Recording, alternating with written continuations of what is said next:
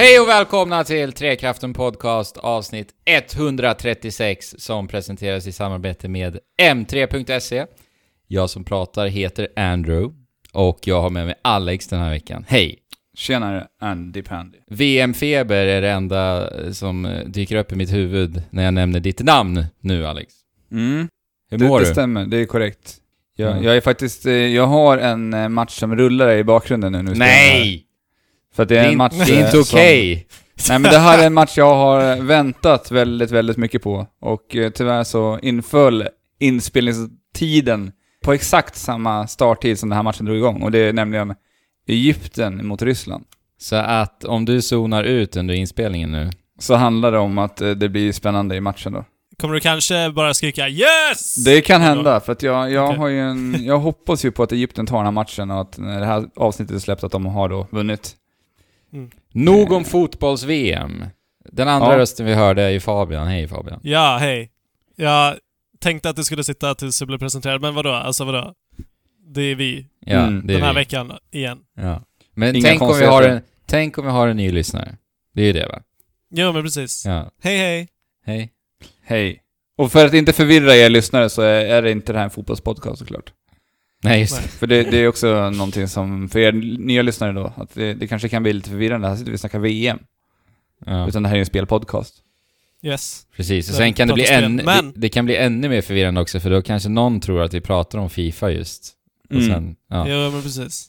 Men eh, ja, vi är en spelpodcast och eh, ja, nu har E3 varit alltså fyra timmar Jajamän. före avsnittet, längsta avsnittet vi har släppt.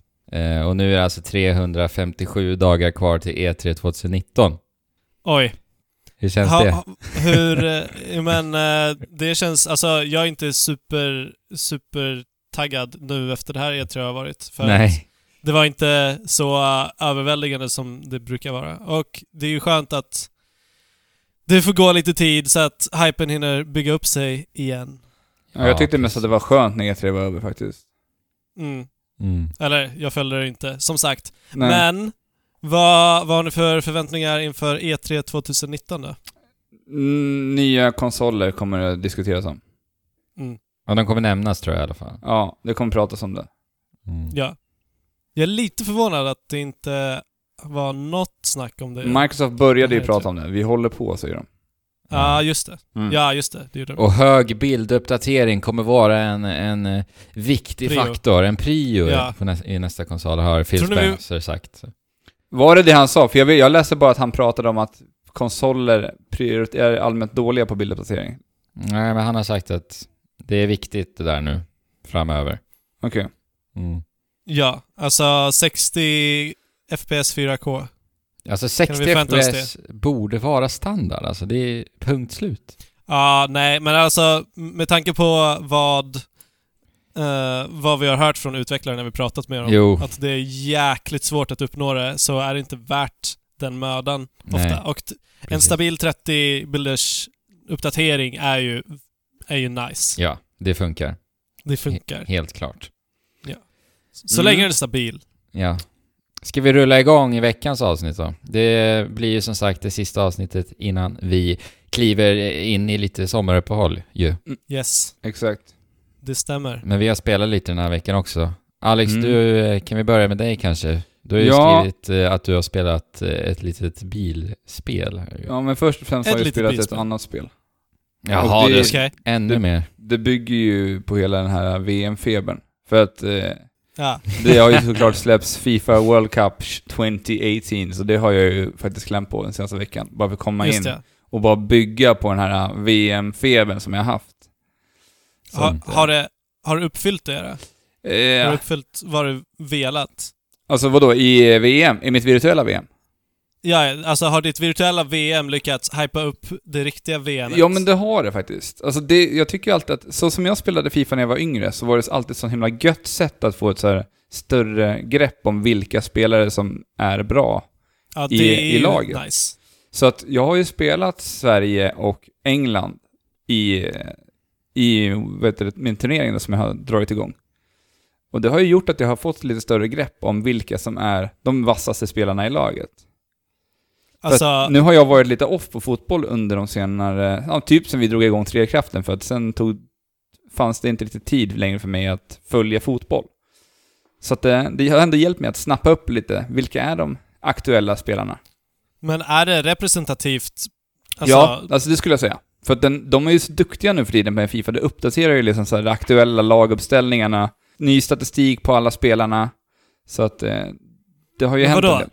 Så att du kan titta på profiler på spelare i Fifa-spelet som är riktig statistik från deras riktiga prestationer? Precis. Aha. Så att det bygger ju liksom på statistik ifrån hur de presterar i riktiga fotbollen. Och det är ju coolt. Ja, så att det, Måste jag bedja. det är en riktigt nice grej ändå. Ja. Hur, eh, hur står det här sig gentemot tidigare Fifa-spel som du spelat? Eh, alltså det här är ju bara ett eh, gratis DLC de släppte till Fifa 18 egentligen. Ja, okej. Så att eh, det här bygger bara vidare på det, bara att de har lagt till ett, Mm. ett turneringsläge där du egentligen kan spela VM då. Ja. Och välja vilket lag du vill spela och spela det laget. Och sen kan du också Nice. köra... De har också gjort ett Ultimate Team som de har i sina vanliga spel, bara att du kan bygga ditt drömlag med VM-spelare. Det är Hur har det gått då? konstigt. I mitt spelande? Ja, i, för dina virtuella lag. Eh, jo, jag spelar Sverige, England och det slutade såklart med att jag krossade ju rakt igenom hela VM för att jag köper en ganska låg svårighetsgrad. För Ja, det, det är så länge sedan jag spelade Fifa, Ja. så att det har varit så här matcher som har slutat med så här 5-0, 4-0, finalen slutade 7-0. Ja, det var så kul eh, Alex. Du, jag, jag eh, besökte ju dig här när du precis hade spelat klart finalen. Ja. Och, och innan så säger du till mig bara "Ah, jag kom till final med England eller Sverige eller vad det var nu. ja, det var ju båda. Ja, okej, ja. Och sen så kommer jag hem till dig så ser jag att du har slutskärmen där med slutresultatet. Så står det 7-0. I en, i en, i en Ja, va? final. Vi- Vilken bedrift Alex. Ja. Det kändes som det var väl spenderad tid. ja, men jag har ju ändå lärt mig att spela Fifa i alla fall igen. Så att det, Ja, okej. det har ju... Det är ju rätt klurigt alltså. Det finns så mycket funktioner man kan göra idag i Fifa-spelarna. Ja. Det Vilket måste tricks. utvecklats något otroligt. Ja, men det har det verkligen Sedan sist jag spelade. Men jag har haft jätteroligt med det och jag kommer fortsätta spela Fifa under VM. Jag tycker att det är så riktigt härligt att göra det mellan matcherna nu när man följer. Mm.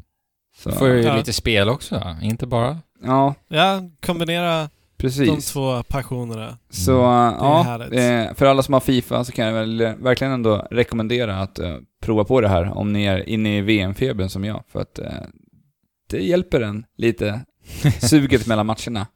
Och i Ja. väntan på sina lag som man liksom håller lite extra på. Ja. Mm. Men eh, det andra spelet du pratar om ändå är ju spelet som heter On Rush. Det här är ju utgivet utav Codemasters och utvecklat, nej jag säger, det här är utvecklat utav Codemasters. Mm. Så är det ju. Och det är utgivet utav Deep Silver. Ja. Där har vi det. Vad har Codemasters gjort? Eh, Codemasters är ju duktiga på de här bilspelen och där har vi ju, vad är det nu? Eh, Dirt-serien, är det inte så? Ja, okej. Jag, Eh. jag har loggan i huvudet, men jag vet inte... Ja men jag har för mig att det är Dirt. Jo, Dirt, ja precis. Ah, Det är det de är väl. Eh, Ja precis. Sen har de Sen- gjort lite Formel 1-spel och sånt där också. Ja, så mycket, Okej. mycket bilspel. Men eh, sen har de också i, i det här teamet så har de också jobbat med folket som, som arbetade på spelet Motorstorm som kom som en release-titel till PS3. Ja, det, men det har ju släppts ändå ganska många Motorstorm-spel ju. Ja, men det började ju där som en release-titel och sen Ja. så byggde de väl på några till efter det. Precis. Eh, Jag har faktiskt ingen koll på det hörnet av spel. Nej, Just det, Grid gjorde de också. Codemasters. det, är också, det är också ett bilspel. Ja. Eh, så det har ju varit ja, lite deras grej som ni, som ni kanske förstår. Ja. Ah, Men, eh, Okej, så att vad är grejen med Onrush? Eh, On Rush eh, fick ju jag, både jag och Andrew fick upp ögonen för det här när de släppte en trailer för inte så många månader sedan ändå.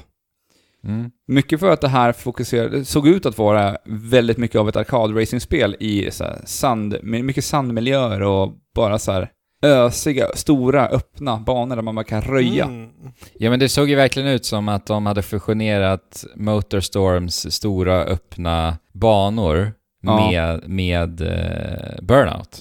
Ja, lite så. Ah. Och, och, och lite specifikt då de tidigare Burnout-spelen. Eh, det vill säga då när det var när det var fokus egentligen på att krascha för att erhålla boost. Mm. Ja. Alltså jag, jag skulle säga lite, lite tra Trackmania är det också, med tanke på de här extremt höga hoppen man gör. ja, jo. Men eh, någonstans där hamnar vi i det vi ändå fick se i trailers av det här spelet. Mm. Nej, för det som är lite häftigt med eh, Motorstorm-spelen, det är ju Mm. just att, alltså du har ju en, en satt liksom bana, men sen så finns det liksom otroligt många olika vägar att ta. Det är ju så här vertikalt också, många olika hopp. Mm. Mhm. Det är ganska häftigt ändå. Jag Ja. vet inte, alltså jag har inte spelat några, jag, jag har i och för sig spelat lite bilspel, det finns säkert massor, men det känns som att för mig är det väldigt unikt för just Motorstorm. Men Ja, det, det, kan, det kan ha varit det. Alltså jag har ju väldigt dålig koll också. Ja. Jag har ju typ bara spelat så här arkad-racing och det är det jag tycker om. Och det är därför jag varit så väldigt intresserad av just det här spelet. Ja. Men eh, som du säger, där med olika vägar och eh, ganska så breda, stora banor, det är det Mm. ändå i On Rush också. Ja, men det är det jag menar. Det är det som är så trevligt va? Mm. Eller? Eller? Från början så trodde jag ju att det här skulle vara ett ganska så klassiskt ra- racingspel där vi skulle hamna i eh, rankinglistor och att målet alltid är att sluta som den första. Ja men jaha, du menar att man racear och Ja, sen men så är man på första plats eller andra plats Ja, och så tänk dig man, alla ja. racingspel någonsin typ. Ja. Eh, men det här...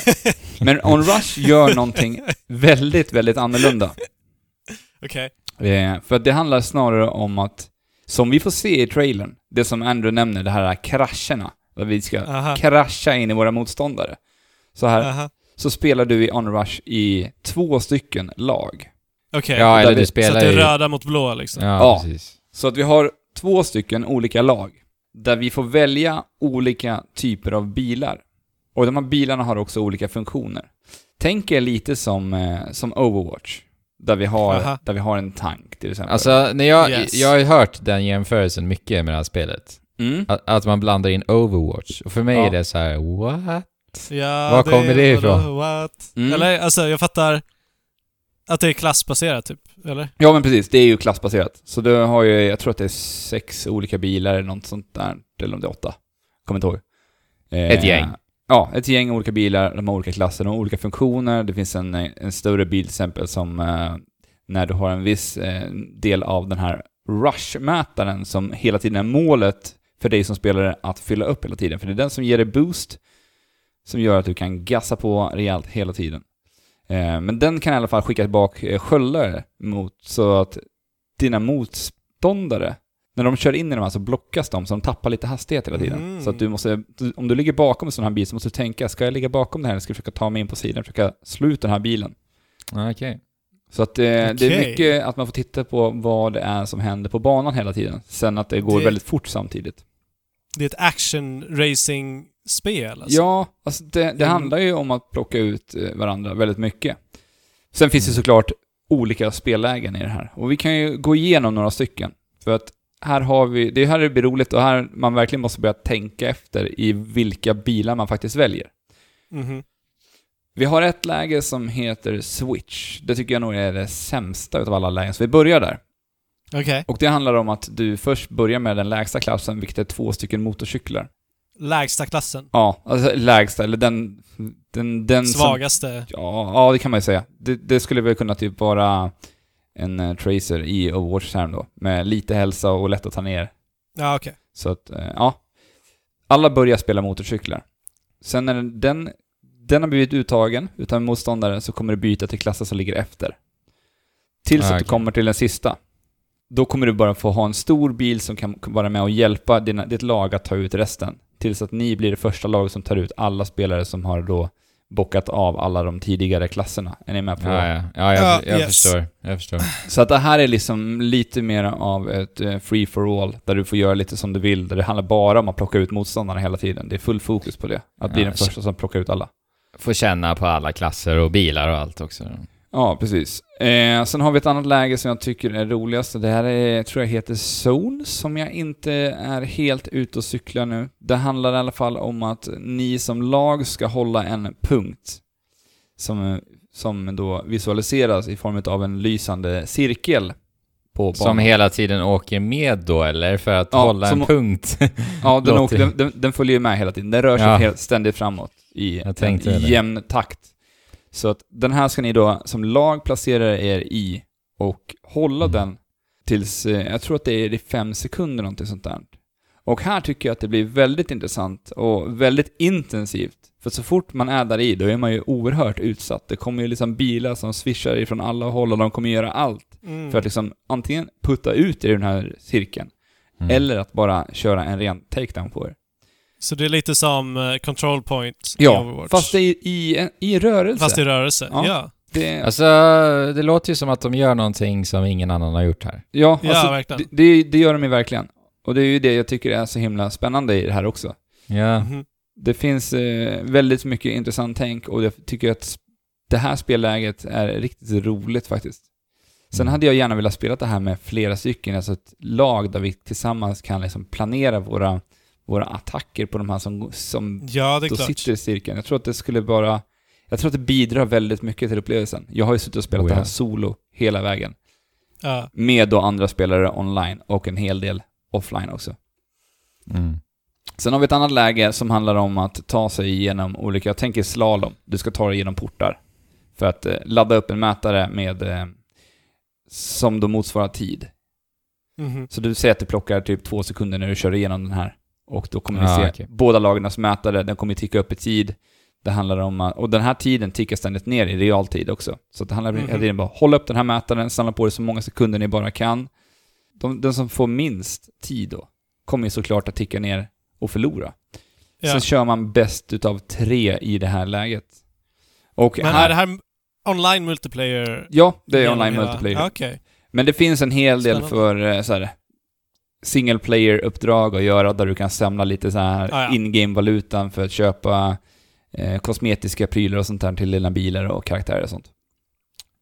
Eh, ja, så det läget blir också lite spännande och så här intensivt som jag nämner. För att där, där märker man ju att när man spelar online, att de verkligen försöker tackla en utanför när man ska in i de här olika Ja, just det. portarna. Mm. Att den detaljen blir så himla viktig, att liksom skuffa ut dem, så se till att de inte kommer in i den här porten. Men hur är bilkörningen då? Känns den bra? Alltså för det är ändå otroligt viktigt i ett bilspel.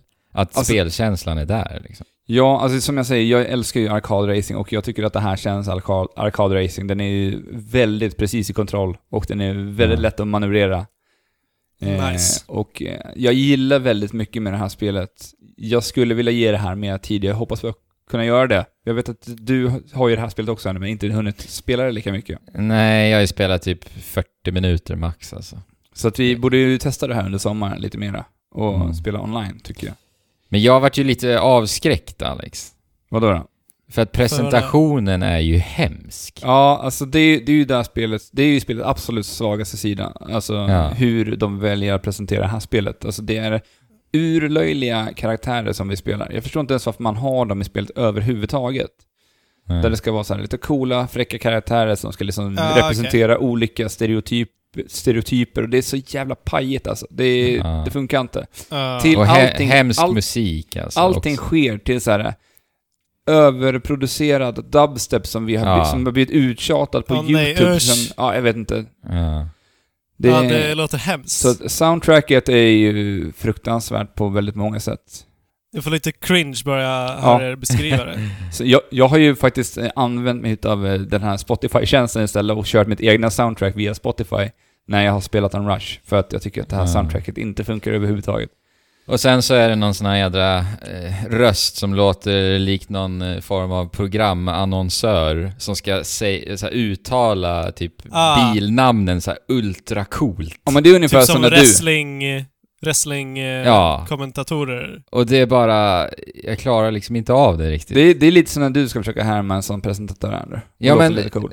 ni Ja, som... men kan inte du försöka härma nu? Nej men jag tänkte så här, i förra veckans avsnitt, E3-avsnittet, då, Ja. då gjorde jag ju precis just det innan varje konferens, eh, i- innan varje segment i våran podcast.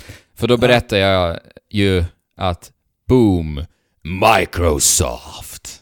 Mm. Där, har, Ja. där har ni det liksom, innan vi skulle börja prata om Microsoft. Så då kan du bara säga 'ready, go' Ready, go! Ja. Men... Vad det, eh, är det så det låter? Nja, men typ alltså. Det är ungefär... För det där, så. lät ju, det där lät ju rätt fräckt. Jo, men, men Fabian, du får ju sätta in det i den kontexten vad Onrush är också. Och, ja, i presentationen så blir Ja. det ännu pajigare. Liksom. Ja. Precis. Så att, ugh. Nej, det funkar inte för mig alltså. Eh, jag hade ju Nej. önskat att de Usch. hade tagit bort eh, musiken, karaktärerna, för att karaktärerna känns helt irrelevanta överhuvudtaget till det här spelet. Mm. Det är inte det man vill ha. Ja, du, du menar ju, när du säger karaktärer så menar du ju alltså förarna, eller? Ja, precis. Alltså, Ja. Du kan ju välja vilken förare som sitter i din bil och de här är ju så oerhört löjliga. Ja, de, och så ska de posera så jäkla coolt och dansa och hålla på och hoppa. Ja, det är, sånt, det är sådana saker som du kan låsa upp, så nya danser och nya po- Ja. poser och allt det där. Det är, Okej. jätte- jättetöntigt. Ah, nej, okej. Jag, jag var tvungen att titta upp det Mm. nu. Ja. För att, Åh nej, usch! för att de, den, den delen av On Rush var ju inte det jag föreställde mig när jag såg de Nej. här coola trailersna till spelet.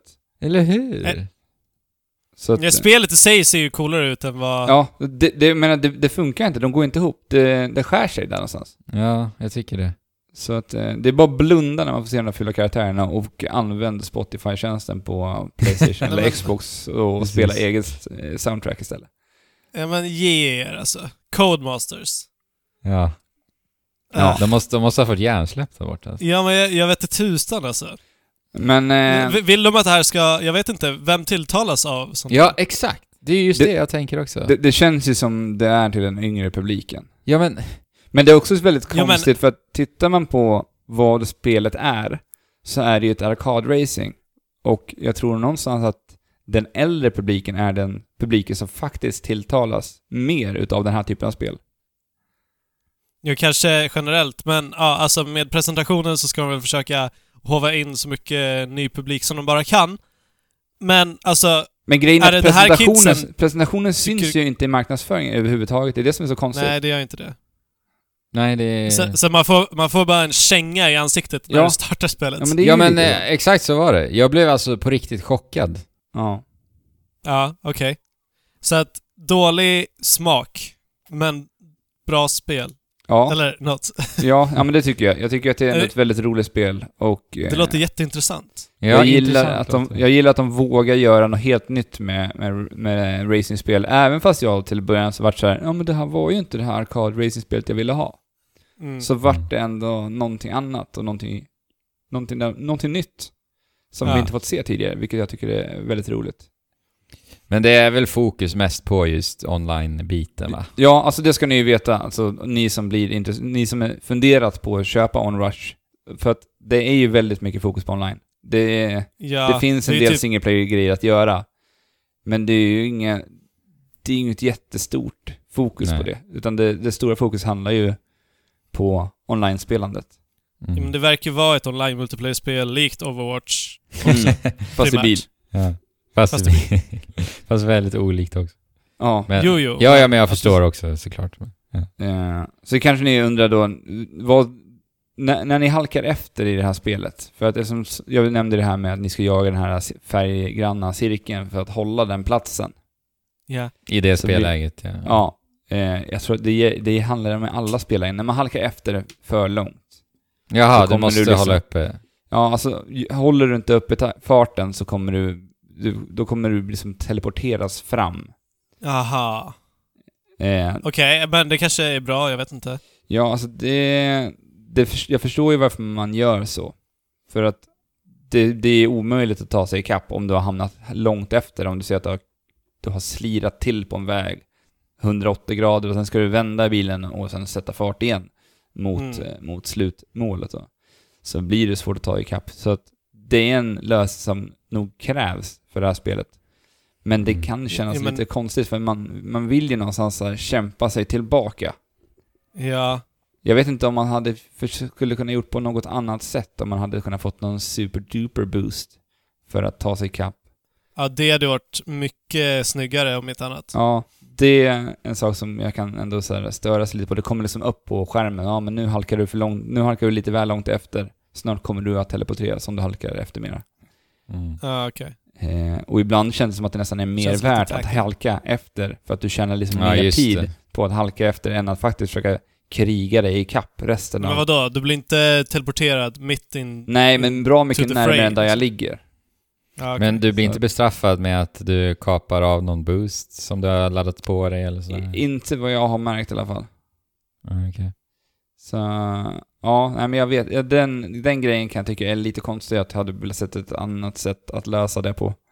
Mm. För att eh, det blir ju samma för båda lagen och många hamnar ju i den situationen hela tiden, man halkar långt efter.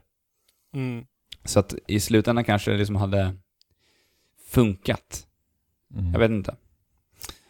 Men men, eh, kan ändå rekommendera det här spelet för er som ändå gillar och har saknat arkad-racing. Eh, men kom ihåg att det här inte är det arkad-racing-spelet ni tror att det kanske, eller trodde, som jag då, att det här var. För att Mm. det här är någonting helt annat. Gött! Ja, Är det några mer spel som har spelats denna vecka? Jajamän, jag har spelat. Eh, Alex har ju spelat det här lite också. Vi har ju spelat tillsammans ju. mm. Mhm. Jag har alltså spelat Mario Tennis Aces. När kommer det? Det kommer på fredag. Nu på fredag. Ja, ah, okej. Ja. Jaha. Jag trodde det var mycket längre ifrån. Nej. Fick jag för mig det. Ja. Nice. Ja. Mario grabbar tennisracket igen då alltså. Han har gjort det ett par gånger nu. Ja, och det har inte blivit så bra de senaste gångerna. Nej, Ultra Smash till Wii U, eh, det gav jag mig inte ens på. Baserat på vad jag hörde om det. Men de släppte väl det till 3DS också? Det kanske de gjorde. Det gav jag mig inte det? heller på. Nej. Eh, Det senaste jag spelade mycket var ju Power Tennis till GameCube i alla fall. Och 64 spelade jag massor också. Mario Tennis Open hette det till 3DS ja. Ja, ja. Har ni spelat någon Mario Tennis-spel genom åren då? Eh, inte så mycket faktiskt. Nej. Du, du var ju med lite på 64-tiden Alex. Ja, eh, men eh, inte, spelade inte jättemycket. Nej, inte lika mycket som jag. Nej. Eh, jag har ju kommit underfund med att Valuigi borde ju vara den absolut bästa i eh? Mario Tennis. För att den, den karaktären togs ju fram endast för Mario Tennis och sen har inte han gjort någonting sen dess. Nej. Han har ju bara spelat tennis. Ja. Han har haft hur mycket tid som helst medan alla andra är ute och kör bil och de kör, spelar fotboll och allt vad de har gjort. Han är väl med i någonting mer? Ja, någonting måste det är det väl. Mario Men- Party är han ju med i. Mario Party, ja. Men, ja, just det. Han har partat lite alla men han har ju haft mycket tid att träna på tennisen. Ja, oh ja. Det har Ja, han. det är sant. Det är sant. Mm. Eller, eller så har han bara släkat. Vi vet ingenting om Waluigi. Nej, det är ju det, är det som är så tråkigt. Vi vill ju veta lite mer om honom. Ja. Mario Tennis Aces är inte spelet där du kommer få veta mer om Valuigi Alex. Nej, vad tråkigt. Synd. Eh, Men eh, Mario Tennis Aces, jag har ändå sett fram emot det. Vi såg det först på eh, Nintendo Mini Directen här i januari.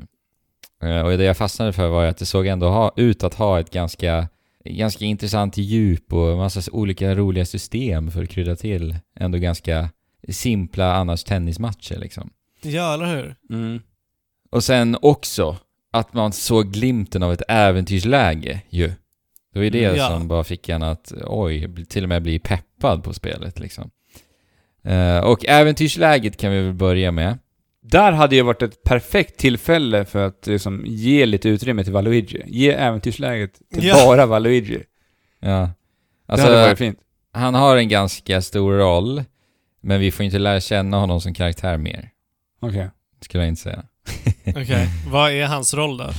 Nej, alltså, självklart ska det finnas en ursäkt till att eh, allting ska kretsa kring tennis, va? Mhm. Eh, och eh, det finns en, en, ett tennisrack som är under någon form av förbannelse. Och eh, Valuigi och Vario lyckas få tag på detta. Och eh, i, i det så lyckas de också på något sätt få med Luigi eh, under den här förbannelsen. Och, Okej. och då får de skepnaden i form av någon, sig själva fast med lite lila metallskal typ. Och så ryker Okej. det lite lila om dem. Och sen är de jätte Ja, okej. jätteonda. Ja. Eh, ja, det är väl typ det. Och sen så ska vi hitta eh, som kraftstenar som är utspridda på världskartan för att till slut kunna ja, förgöra bort den här förbannelsen. Mäktig Och detta historia. genom att spela tennis. Detta genom att spela tennis. Allt kretsar kring tennis. Tennis är livet i Mario Tennis. Det är lite som eh, Pokémon i Pokémons liksom. Allt är bara Pokémons. Ja. Men, men det, är- det här låter ju liksom precis som eh, vad jag ville ha från det här spelet. Och inte förväntade mig heller.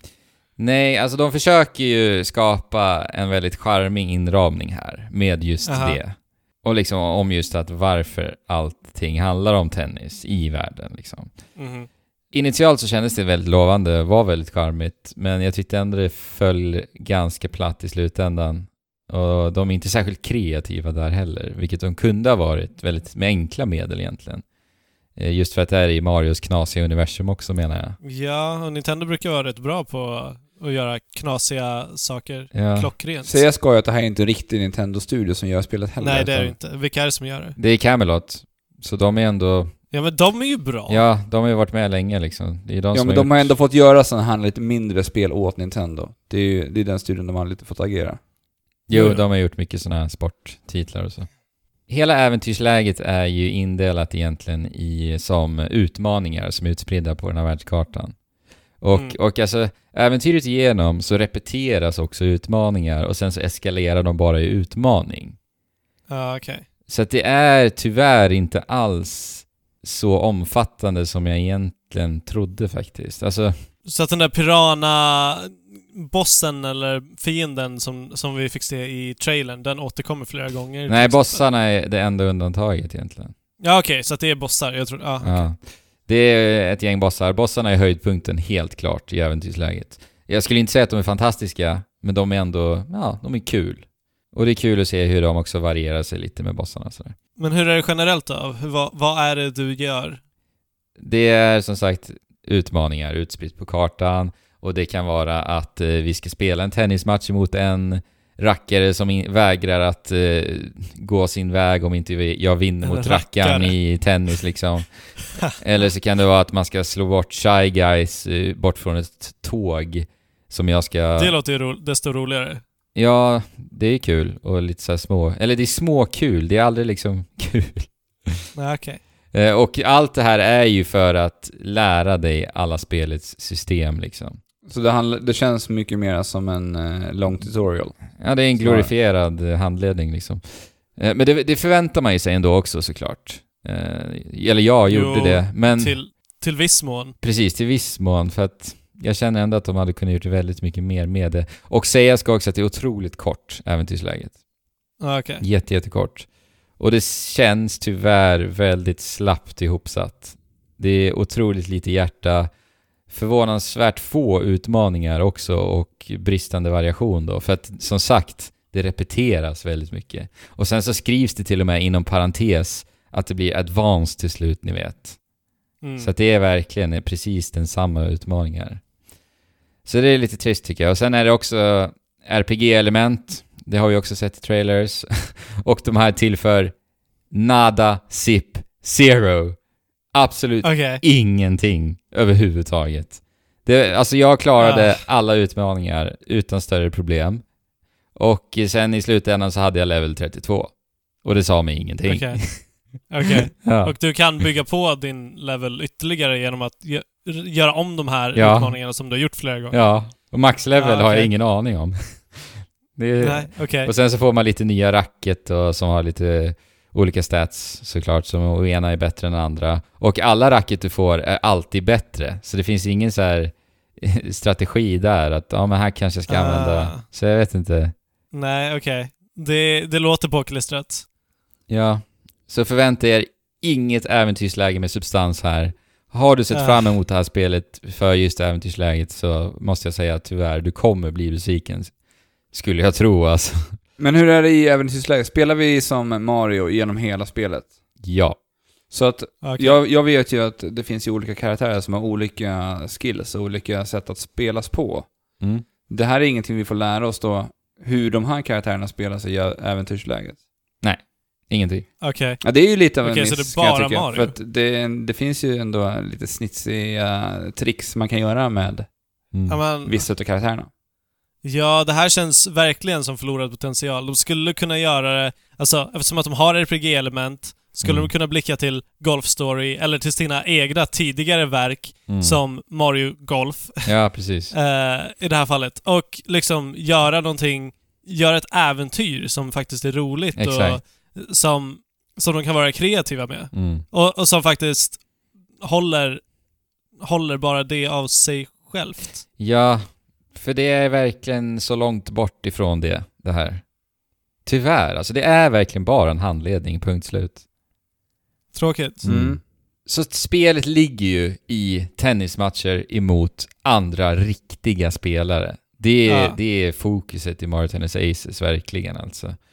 Eh, för vi pratade ju om, eh, när jag började prata här nu, att jag blev väldigt intresserad av det här spelet just för alla de här mekanikerna, systemen som jag såg. Och det är ju här spelet skiner faktiskt.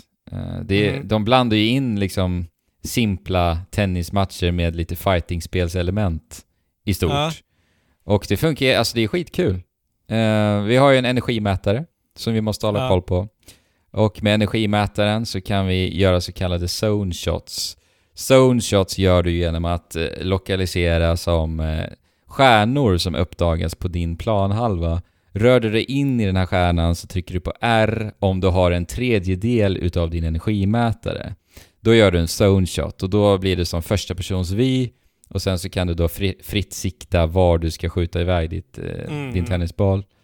Och det fina då är att motståndaren kan eh, kontra det här genom att aktivera zone speed som också dränerar den här energimätaren.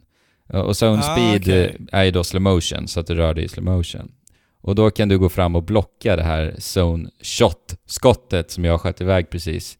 Eh, Men det måste du också då göra med en väldigt bra timing. Det är inte bara att blocka. Och missar du blocken så skadar du en del av ditt liv, livmätare Okej. på Eller det- racket. Ja, precis. Så man har livmätare på racket också. Eh, och eh, blir du av med tre livmätare så spricker racket. Racket går sönder och sen då blir det en så kallad KO. Då förlorar du matchen på en gång. Ah. Alltså, jag tycker det är lite slarvigt att de här går in i en tennismatch utan att ha det reservracket med sig. För att en Ja. rutinerad tennisspelare har ju Ja. alltid reservracket. Det är så här, nu är det paj. Ja, ja då är det slut. Jag kan inte fortsätta. Hej då. Ja. Eh, precis. ja, och de, de har ju uppenbarligen många rack någon annanstans. Ja, men varför glömmer de dem till varje match? det är det som är grejen. de bara glömmer dem. Ja. Fan, inte igen. De är, de, är Alla. de är senila i Mario Tennis-universumet, helt enkelt. Ja, uppenbarligen. Och sen har vi såklart eh, alla olika typer utav eh, slag. Vi har ju topspins, vi har ju slices, jag vet inte vad det här heter på svenska, jag orkar inte leta upp det heller. Och sen har vi lobbar och sen så har vi dropshot, vilket egentligen, dropshot kan man ju förklara med att du, det är som en unders, underskruv, visst blir det? Ja, underskruv. Ja. Och då eh, dör bollen liksom nästan direkt vid, eh, när den landar på marken. Ja, liksom. det, det handlar om att Mm. få så lite studs som möjligt på bollen. Ja. Och det fina är att alla typer av olika slag har också en, ett kontringsslag. Mm. Och, och De det har- gör ju också att du måste vara så otroligt fokuserad och verkligen spela reaktivt och veta vilken, vilket slag du ska kontra med hela tiden så. För, för att du ser ju också vilka slag vi gör, eller motståndaren Ja, gör. Alltså det är de, det, det visualiseras med färger. Ah, okej. Nice. Så att eh, då kan man, när man har blivit snitsig och på det här spelet, hinna liksom reagera på de Mm. här eh, slagen som motståndaren gör. Precis. Men är det bara olika knappar du trycker på Ja, för exakt. olika? Ja. Precis. Och sen så kan du också göra ett så kallat charge shot och det är helt enkelt att vi laddar upp skottet förstås då. Eh, och laddar du tillräckligt länge så blinkar det till lite och då får du en fullt laddat slag. Eh, och gör du det mot en motståndare, då är det extra viktigt för motståndaren att kontra med rätt slag. För annars kommer den bli immobil en längre period om den inte kontrar med rätt slag. Ja, okej. Ja. Och då kan det bli att man snurrar runt lite och så blir man lite paralyserad liksom, annars då. Så det, åh, det är jättemycket att hålla reda på och det gör ju att det här spelet blir fantastiskt roligt. Och sen har jag missat ännu en sak och det är att laddar du upp din energimätare fullt, då kan du göra en special shot och den kan du aktivera oavsett var du är positionerad. Du trycker bara på L-knappen och sen så aktiverar du den. Och den är ju otroligt... Eh, jag vet att några på våran Discord har nämnt att eh, den är lite billig liksom att ja, det är bara att trycka på L och sen så har du världens dunderskott. Men grejen är ju att du måste ha full mätare då. Och Mm. det är ju, och händer ju... Alltså varje match jag har spelat online så har det ju verkligen krävts av mig att jag var tvungen att använda den här mätaren innan det händer så att säga. Mm. Så att... Så eh, att man, man måste bara lägga på tillräckligt mycket tryck på den andra spelaren så att det aldrig kan ske. Ja, lite så. Eh, och sen eh, även när du chargear, när du gör ett charge shot, när du laddar upp, då laddar du även upp din energimätare ytterligare. Så det finns alltså massa olika, mycket att gräva ner sig i att hur du laddar upp mätaren snabbast och hur du använder den mest effektivt. Och sen i det här så är det ju också traditionell tennis. Alltså, det är mycket så avståndsbedömning när, när du ska träffa bollen, hur du ska träffa bollen, det är timing, Något jag fick positionering. erfara var ju det här, de här special skotterna. Mm. Eh, när, jag när man inte lyckas, om man ger sig på den här bollen och ska försöka liksom, blocka den. Det här med att man går in i den här zone, eh, Speed. zone speed Mm. eh, och försöker att slå den här. Vid misslyckande så kommer den här också ta ut hela din, eh, ditt rackets hälsomätare. Alltså den tar alltså bort alla tre. Ja, just det. Ett sånt här slag. Ja. Så att det är också lite eh, risk om du känner att du är lite osäker på det. Ibland så kanske det kan vara värt att bara försöka akta sig. Det är så jag har löst eh, Mm. den situationen ganska många gånger och ändå bara sitter där och skrattar åt mig liksom. ja, men precis. jag är ju lite bättre än dig. Ja det är det. det. Men, jag, har ju, eh, jag har ju vunnit typ en match av kanske, vad kan vi ha spelat 50, till? någonting Ja, någonstans där. Ja. Men... eh, du har ju eh, glömt eh, trickshotsen också. Ja! Titta, det är för mycket olika grejer. Trickshots också. Det är 100% avståndsbedömning, kan man väl säga. Alltså för Ja. att du måste bedöma nästan på pricken avståndet mellan dig och vart bollen befinner sig. För trickshot är att, egentligen som det låter, du gör ett litet trick. Du hoppar, säg med Mario, han hoppar och gör lite volter i luften och sen så vips så eh, är han på andra sidan av tennisplanen. Och sen så kan han då slå tillbaka bollen till motståndaren. Alltså, Ja. Mm. helt enkelt, du kan det- ta emot bollar som du annars absolut inte hade hunnit med, så att säga. Ja precis, så säg att en boll kommer till höger och du försöker springa dit och du kanske inte ens, eh, du inser att det kanske, här kanske inte ens räcker med att använda zone speeden. Nej, precis. Så du Istället- inte har ist- någon energimätare eller vad. Ja, och då kan du använda istället trickshot till, eh, till höger då. Och då kommer Mm. du bara dasha dit snabbt och bara svinga iväg bollen. Mm. Okej, varför, användes, varför används inte det här hela tiden? För att som Andrew säger, det handlar ju om avståndsbedömning, så att du kan inte Precis. göra den... Liksom, om du ser att bollen kommer precis till höger om dig, säg att den bara hamnar någon decimeter från dig. Mm. Om du dashar till höger då kommer du missa bollen. Precis. Så att det finns ett Ja, avstånd okej. du måste bedöma hela tiden för att den här ska Ah, kunna okej. aktiveras Så och att- funka. Så att, och, du kan, och du kan aktivera ja. den här äh, åt all, i alla riktningar. Ja, med, Mm. med högra spaken faktiskt. Man Ja. bara klickar dit man vill hoppa. Eller dra Eller spaken. dubbeltrycka på X. X, det fick jag också lära mig igår. Ja, vilket jag tycker om, att man faktiskt gör den där. För att, för att man blir så här i, i panikartade situationer så trycker man ju bara. Och vill jag göra en lobb som är på X, då blir Mm. det så här, "Ah, jag måste få bort lobba här. Och sen, ja just det, när jag tryckte två gånger, då gjorde jag en trickshot och då hoppar man åt pipan och så förlorar man. Men det är så här, det är så otroligt mycket beslut du måste ta hela tiden. Mhm. Och det är så högt tempo, det blir så intensivt.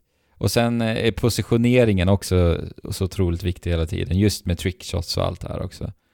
Så att eh, det blir riktigt jädra roliga tennismatcher med allt det här tycker jag verkligen. Mm. Alltså det, det finns ju mycket att lära. Ja, Det, det märker jag ju verkligen. Jag som har hoppat in och bara egentligen fått lära mig utav att spela mot Andrew. Det ja, har jag, jag har ju fått lära mig den hårda vägen. ja men precis. Men eh, det, det är faktiskt väldigt roligt. Jag tycker att det är ett jätteroligt spel. ja. Det känns som att de verkligen har gått tillbaka till ritbordet och tittat på hur kan vi göra någonting mer med våra Mario-sportspel. Så hur kan Mm. vi skapa mer mekaniker? Hur kan vi göra det här, lägga in ytterligare, ytterligare ett lager utav intressant spelmekanik som faktiskt bidrar till den kompetitiva delen. Och Mm. där tycker jag att det finns mycket att hämta i Mario Tennis Aces. ja det är verkligen. Men, men du Fabian som lyssnar nu på allt det här, alltså hänger du med i alla system på något sätt?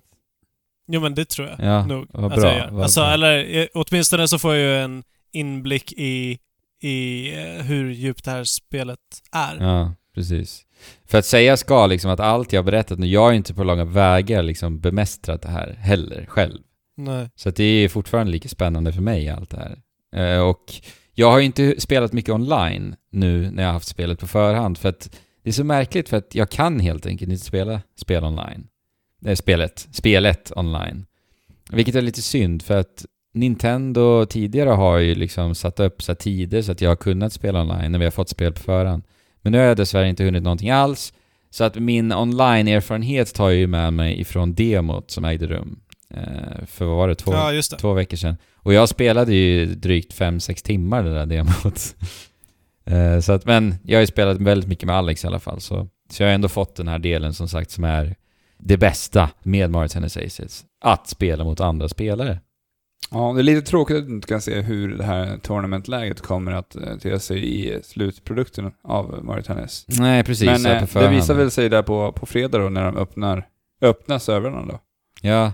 Jag undrar alltså hur recensionerna som kommer släppas nu, alltså... För jag har inte kunnat spela online, jag har inte fått någon information om det, men vi får väl se. Mm. De eh, där borta i staterna har vi kanske lite extra förmåner eller något sånt, vi får väl se. Eh, ja. Men jag har inte nämnt en sak och det är att alla banor har ju också som fällor och lite olika mekaniker ju. Mm. Till exempel så har vi en eh, skogsbana där vi har lite PT Piranhas som dyker upp i såna klassiska Mario-rör. Som och- sitter i tennisnätet. Ja men precis, exakt. Du placerar där. Eh, Och eh, slår du in bollen i en käften på en Peter Piranha då käkar Peter Piranha upp bollen och spottar ut den på en slumpmässig plats på motståndarens eh, planhalva va. Men det är bara så här mekanik, mekaniker som bara kryddar till det lite, göra det lite mer partyeskt liksom. Men eh, det är inte så du kör liksom riktigt kompetitivt. Utan Nej. då är det rena banor som gäller. Ja, men ändå Ändå. så här tycker jag ändå att ibland kan mekanikerna vara lite roliga. Det kan bli lite så här skrattframkallande, har ju ändå jag och Alex upptäckt. Alltså, den, den ja, bästa ja, men det är banan... mer party... Party... ja, Anpassat då. M- Jo. Min favoritbana är ju den eh, där vi har två stycken speglar, en röd Ja. och en blå. Som precis. funkar som, eh, vad heter det, portaler. Portaler. Så, Ja. så att om Ah, du skjuter okej. in i den blåa så kommer den ut i den röda och de här roterar ju runt banan hela tiden, längs nätet då. Mm. Ja, och det kan ju verkligen förvirra om jag liksom har slagit ut ett Andrew mot eh, högerkanten av banan tidigare och sen så sätter jag in den i den blåa portalen, sen är den röda borta på vänsterkanten, vilket gör att han Mm. måste stressa bort dit. Och det kan Mm. ju verkligen förvirra en ibland. Ja. Låter kul. Mm. ja. Och sen finns det ju swing mode. Eh, och då spelar vi med rörelsekänsliga kontroller. Ja. Det här det- läget var jag faktiskt lite bättre än dig på. ja, det var du. Du lyckades smasha typ varenda boll så att jag... Du demolerar mig helt enkelt. Ja, det gjorde jag. Ja. Ja, det, alltså det är vad det är. Det funkar inte jättebra. Ja. Swing mode. Ja. Vi spelade väl tre, fyra matcher, sen kommer jag nog inte spela det igen. Nej, Tyvärr. det kändes inte jätteroligt. Men det var kul att vinna i alla fall. Ja. och sen finns det turneringsläge också, där man spelar mot eh, datan, datastyrda motståndare. Och det känns också så här jättepåklistrat. Det är bara tre matcher. Det finns ingenting så särskilt spännande i det. Det är inga så här mellansekvenser, att det är prisutdelning när du vinner va. Utan det är bara tre matcher och sen är det klart. Och sen kommer det upp en liten eh, pokal som snurrar bara liksom på menyn sådär. Mm. Men som sagt, alltså det är just spela mot andra. Det är alltså... Ska du köpa Mario Tennis Aces, då, då gör du det för att du vill spela riktigt roliga tennismatcher mot andra spelare. Men du har inte testat att, ha, att använda det här som liksom ett partyspel annat än med Alex? Här. Eller nej, du får inte än. Ens. Nej. Eller? Uh, vad menar du? Jag tänker typ om du har haft en bjudning hemma hos dig Ja, nej, med kompisar och så testat det. precis. Det är Exakt, embargo-grejer. exakt. Just det. Det får jag ju vänta med. Men, men det låter ju ändå som att det skulle kunna vara väldigt bra för, Mm. Jo, för men, ett sånt spel. Även om man bara kan vara två, så... jo, ja. Eh, just Eh. för att du kan ju spela doubles också. Och det är väldigt kul. Ja, ah, just det. Ja. Och det tror jag kan vara jättekul att bara... För det kan man. Man kan spela doubles på en konsol online mot två andra. Och det tror jag kan vara riktigt Ah, sweet. Trevligt också. Jag, jag tror att problemet är att om Mario Party, eller vad säger jag, Mario Party, Mario Tennis som partyspel är ju, kan ju bli ganska så svårt. Säg att Andrew drar hem eh, partygänget och ska spela Mario Aces så kommer Andrew tvärdominera allt. Jo, det är det- det är alltid ett problem för mig. Ja, ja men det Ja. är ju också för, alltså ta ett spel som Mario Party, det är ett spel som är väldigt Ja. bra på att göra ett partyspel där alla spelar på samma förutsättningar. Men party är i den titeln också. ja, men det jag menar på Overcooked också. Ja.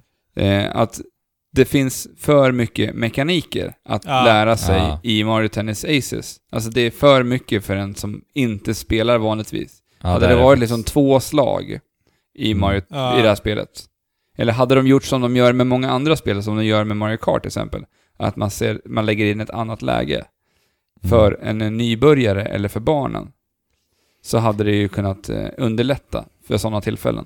Mm. Det finns ju dock att du kan stänga av alla de här nya reglerna. Så man, Okej. kan, man kan köra simpla regler. Ja, Mm. just det. Ja, så att det Men kan det- man väl kanske göra då, när det är partydags. Ja, för det kan ju vara värt då, för annars så kanske det blir lite för mycket att ta in på en och samma gång. ja. Eh, och sen som sagt, man kan ju spela doubles tänker jag också, i ett partysammanhang. Om jag, Mm. om jag kanske spelar med min sambo till exempel då. Och så spelar du Alex och din sambo i andra lag. Alltså förstår du? Ja, men då kommer vi få stryk ändå. Ja men, om du har tränat upp det då? Ja, ja då kanske. Ja. Det låter jättekul faktiskt. Ja. Alltså, vad roliga spel vi har, ni har pratat om idag. Ja. Eh, Det har varit två sportspel men som med eh, en twist på båda ändarna. tre den ena, sportspel. tre sportspel. Ja, Även Fifa, men den hade ingen twist. nej. Förutom Eh, VM. guldet såklart, till England. Guld. Ja. ja, ja det, det, det är en twist. Ja. Men ja, vi har ett racingspel som också är online multiplayer action. Ja. Mm. Och ett tennisspel som också är ett fightingspel. Ja, lite så va? Mm. Det var väl det va?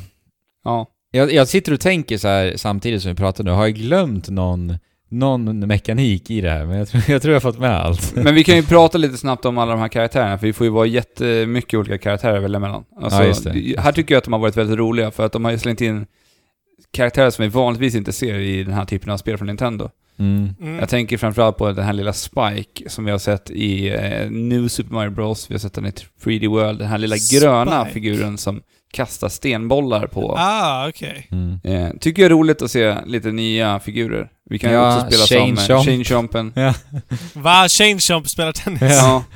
Och han är så Eh. gullig för han, What is this? när han ska serva Shane Jump, eller hen eller vad det är, då studsar han eh, liksom bollen på huvudet och sen så ja, slår han upp bollen med huvudet, sen servar han med munnen liksom. För han, håller, han håller ju racket förstås i munnen då.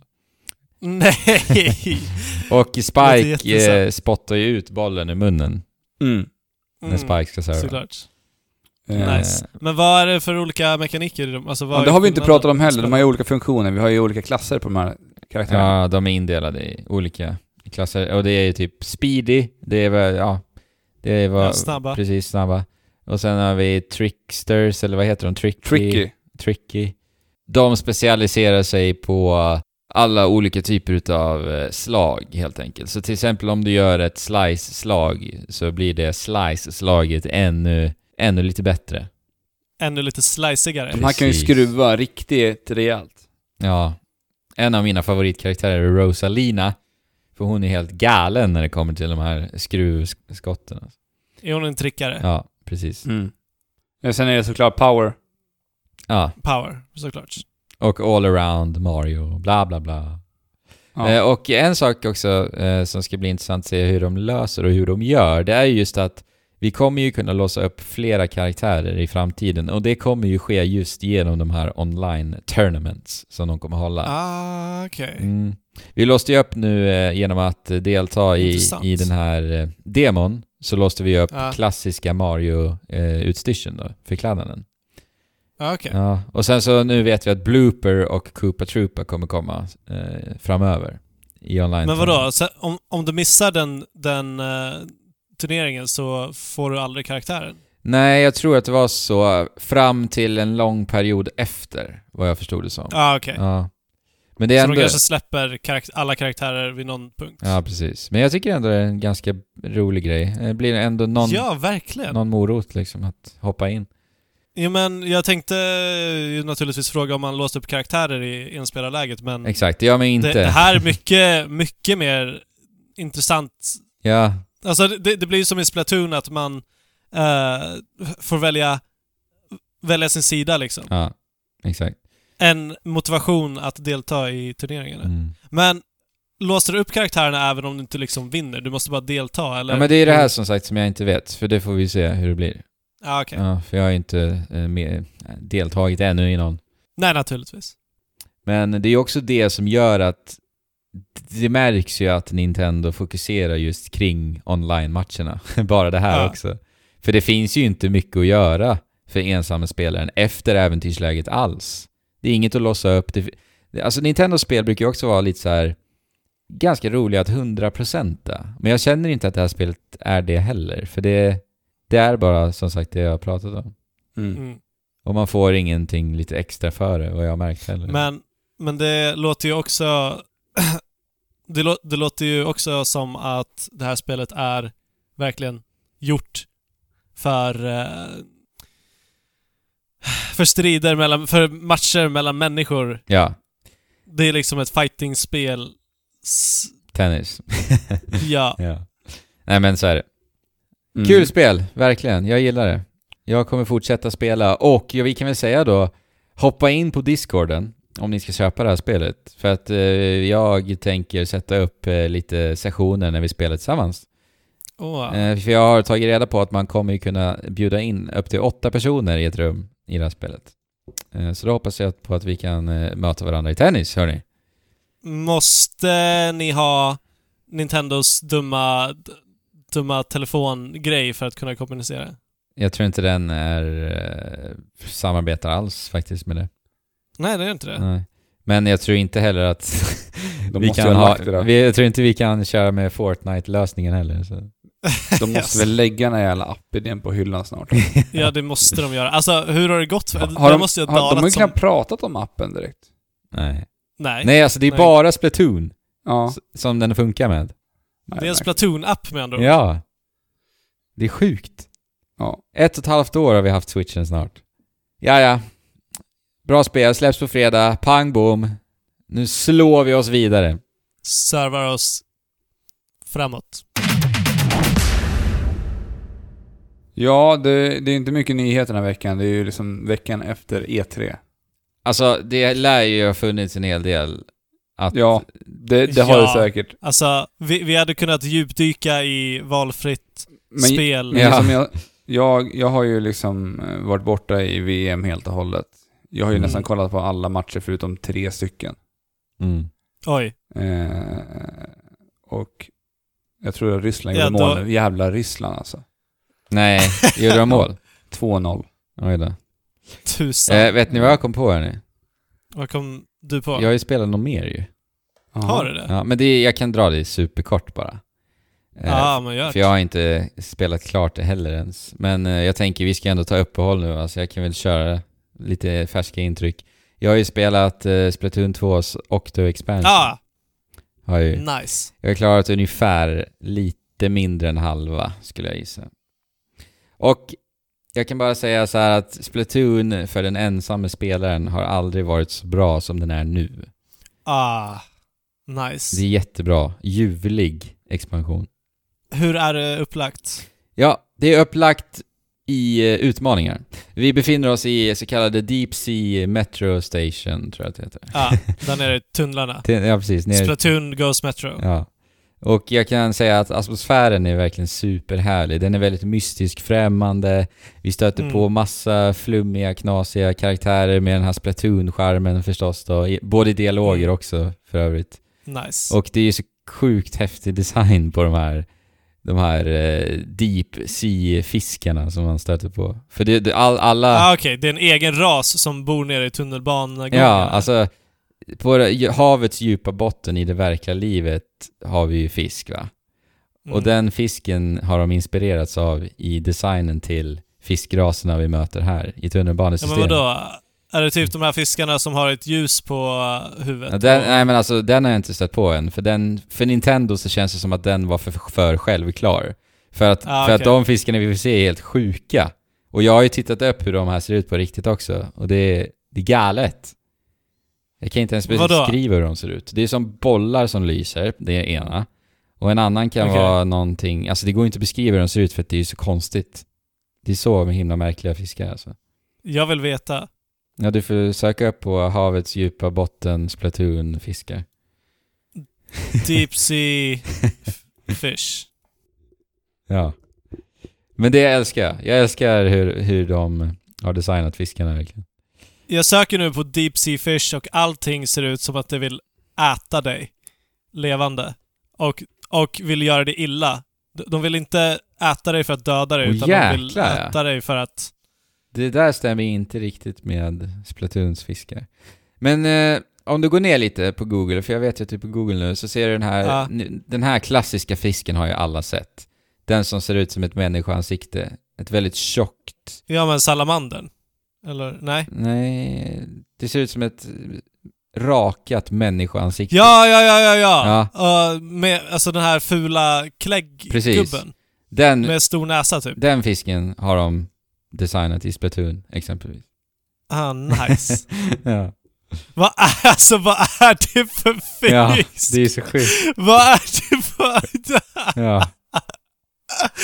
kan, kan något se ut sådär? Ja, men det är Ah. exakt det, jag, den frågan jag ställer mig till alla de här fiskarna, Fabian. Kan, Och, eh, kan du... Kan du beskriva du- den fisken Fabian? Ja men det, det ser ut som en väldigt gammal, ledsen, eh, slemmig gubbe. Okej. Alltså gubbe. Du vet, gubbe. Men, Ja. med, men med babyhy. Men med babyhy. Uh, alltså typ, tänk dig, vad heter han, La- Bauers troll. Ja, John Bauers troll. Ja. Lite så. Fast den ser väldigt mänsklig ut. Mm. Kan, kan du inte lägga upp bilder i beskrivningen Andrew? Det tror jag inte. Eh, nej, jag tror Det inte. tror inte jag heller, men... Tyvärr. Ja, vi ska rulla vidare. Ah, yes. Det är uppdelat i utmaningar. Det finns en liten valuta som du samlar på dig. Det kostar lite att eh, starta en utmaning. Och utmaningarna, de är egentligen likt hur en vanlig nivå såg ut i eh, original inspelardelen, alltså Mhm. Octoval i Splatoon 1, eller Splatoon 2. Och även ettan för den delen. Men det är väldigt bra utmaning, faktiskt. Så att de eskalerar från första... Ja, oh ja. Oh ja. Och de, är verkligen kreativa här. Alltså ni vet, eh, Oh. Nintendos eh, liksom designfilosofi mycket i deras spel är ju så här, introducera en mekanik, spinn vidare på den, kasta bort den, hit, nu kör vi en ny va, så kör de sådär. Mhm. Ibland när det är så i Nintendo-spel så kan jag tycka att ja men det här tyckte jag verkligen om. Kan inte jag bara, Mm. kan inte jag bara få se det här vi- vidareutvecklas ännu mer Nintendo? Kom igen. Jo, visst. Ja, och det är det Ja. de gör i Octo Expansion. För att, Mm. för att det finns en handfull mekaniker, men de spinner vidare på dem så otroligt mycket. Och det, jag gillar verkligen det, för det är väldigt, väldigt bra och smarta, uppfinningsrika utmaningar och idéer de har här. Nice. Jag tycker det är verkligen så här spelglädje rakt igenom. Och sen är ju vissa utmaningar bättre än andra såklart. Men de som är bra, de är superbra. Som jag sa innan, Splatoon för den ensamma spelen har inte varit bättre än vad den är idag.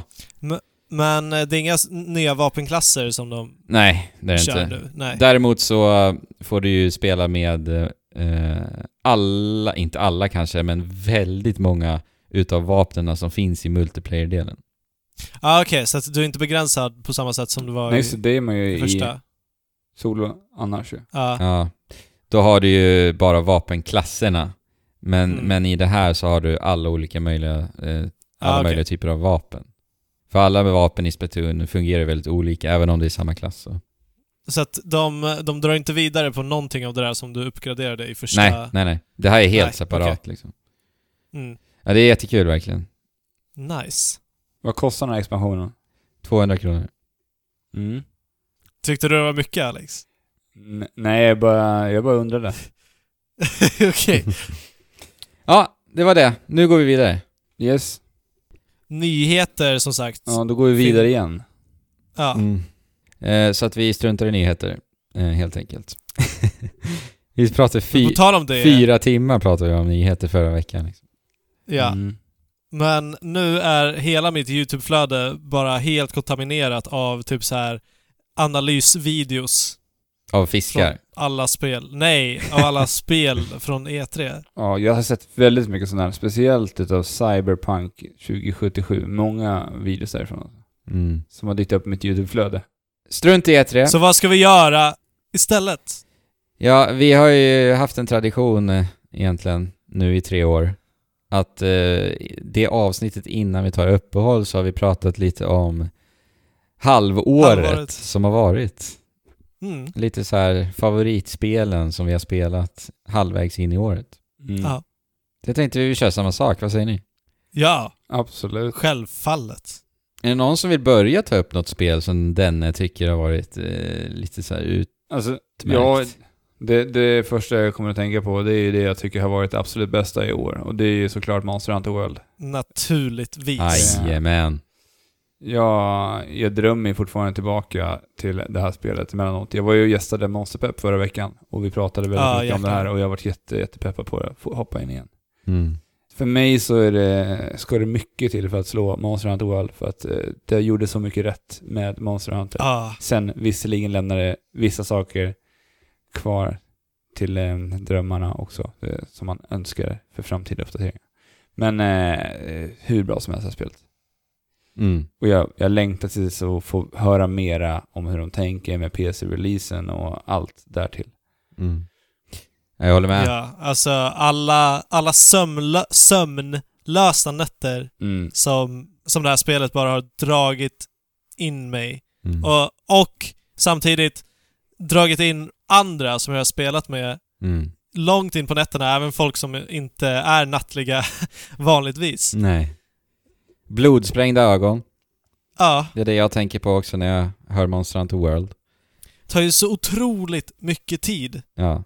Mm. Väl spenderad tid också. Ja, det mm, mår ju bra när du spelar det här Ja, spelet verkligen. och efter att du har spelat det här spelet. ja men alltså den perioden vi hade där i januari, när jag tänker på den nu, jag får så här härliga känslor i magen då verkligen. Ja. Våran Discord, hur alla bara spelade, jagade, varje dag i stort igen. Ja. Mm, och det var ju en, en eh, lång period också, kändes det som just då. Så det varade ju typ under en och en halv månad, vilket var helt magiskt. Ja, Eh, Ja, helt fantastiskt. drömmer sig tillbaka ibland.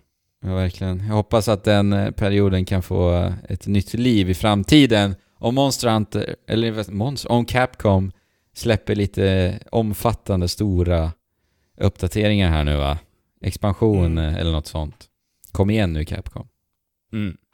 Nej, otroligt spel. Vi behöver väl inte stanna kvar på Monster Hunter World. Jag menar, vi gjorde en, en jädra specialpodd. Vi, vi kan ju bara hänvisa till eh, våran systerpodcast Monsterpepp som vi kan länka i beskrivningen, för där snackas det Monster Hunter hela, hela tiden. Så att, Ja. kolla in Monsterpepp. Gjort. Och sen kan väl jag nämna ett spel, Celeste.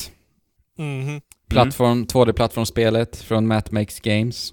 Det Ja, här det- gick ju och blev eh, ett av världens bästa 2D-plattformsspel för mig. Så att det måste ju vara med här. Det är ju liksom inget snack om saken. Ja, nej, jag, jag kan eh, bara hålla med. Jag tycker att det här är ett så fantastiskt spel på så många sätt. Ja. Alltså, det är löjligt. När jag tänker på det idag, oj. Jag vill bara Ja, spela här, med. här är ju exakt det som du pratade om tidigare med Splatoon, att man introducerar en mekanik på nya världar och sen så bygger man vidare på den här mekaniken genom hela världarna. Vilket Ja. jag tycker de gör helt eh, jävla fantastiskt Ja men de, precis, de gör ju det väldigt bra också. De låter ju mekaniker stanna och verkligen låta dem utvecklas väldigt, väldigt mycket. Ja. Mm. Och sen så att man gör eh, ännu svårare varianter av de här banorna i form av de här B-sides-levlarna då. Ja men det är det jag menar, precis. För de Så- som vill ha mer så finns Ja. det. och jag ville ha mer så jag gjorde ju allt i Celeste. Superbra spel. Eh, Ja, alltså det har verkligen allt vad som gör ett bra 2D-plattformsspel. Alltså verkligen allt, allt, allt. Spelkontrollen är ju så bra den bara kan bli. Fysiken i plattformshoppandet är ju verkligen där den ska vara. Alla mekaniker är så otroligt spännande, banorna är mästerliga, utmaningen är där, det är så snyggt pixelerat. mm. Mm. Och musiken. Och, och allt är så otroligt, otroligt snyggt inpackat, ihoppackat. Och sen så har vi ett narrativ på det också som, eh, som gör att allt är så löjligt sammanflätat. Och det är så, så himla genomtänkt spel alltså. Alltså, jag måste spela det här spelet i sommar. Ja, det måste du. När jag har tid över. Ja, det Ja, måste men det måste du faktiskt. Jag måste det. Ja. Ja. Jag får köpa det direkt när vi stoppar, sätter på stopp här. ja. ja, men det är bara att göra det. Det är liksom, om du inte gör det för mig. Ja. Du måste ta en bild när du har gjort det alltså. Annars, Okej. annars kommer jag säga köp Celeste. Okej. Men eh, Fabian, har du något Jag- jag eh, spel då?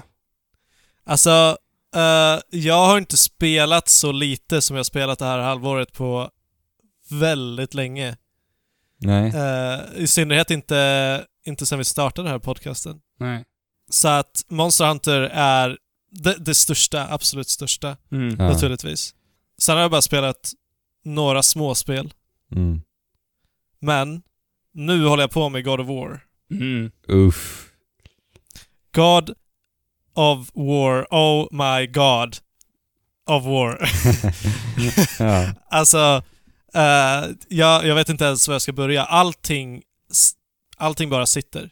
Allt från musiken till designen och historien som bara drar in dig. Mm. Samtidigt som du känner Kratos sedan tidigare, även fast han har, varit väldigt endimensionell eh, i de tidigare spelen. Så här får han en mänsklighet, men han är fortfarande sig själv. Ja. Alltså han är fortfarande, endi- han är fortfarande endimensionell. Och väldigt opragmatisk, eh, väldigt rak och uppfattas som väldigt arg. Mm. Men vi får också se liksom helt andra delar utav Kratos när han nu har sin son. Och det, det är... Så långt som jag har kommit, jag har inte spelat jätte, jättelångt. Men det är uttryckt på så liksom subtila och bra sätt. Ja. Och det är så vackert Ja. att se. Och sen att det är kul att spela också. Alltså det här är ett modernt spel. Mm. Det, det här är ett single player-spel så som jag vill spela single player-spel. Mm. Och jag har inte gjort det. Jag, jag kan inte minnas det senaste, senaste spelet. Jag gjorde det. Nej, det har, ju, det har ju verkligen alla delarna liksom. Ja. Och The Leviathan Axe. Ja. Det är ju typ det, bäst, det bästa vapnet vi har fått i ett spel på jag vet inte hur länge. Ja.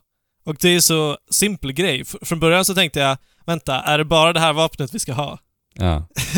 Genom hela spelet. Och ja, jag vet inte än, men det verkar så än så länge. Och det duger gott och väl för vad som eh, Mm. liksom introduceras till den och hur, hur den används och hur den nyttjas. Ja. Och eh, allt, allt är så bara fantasifullt. Mm. Som, som, bara, som gör mig så glad.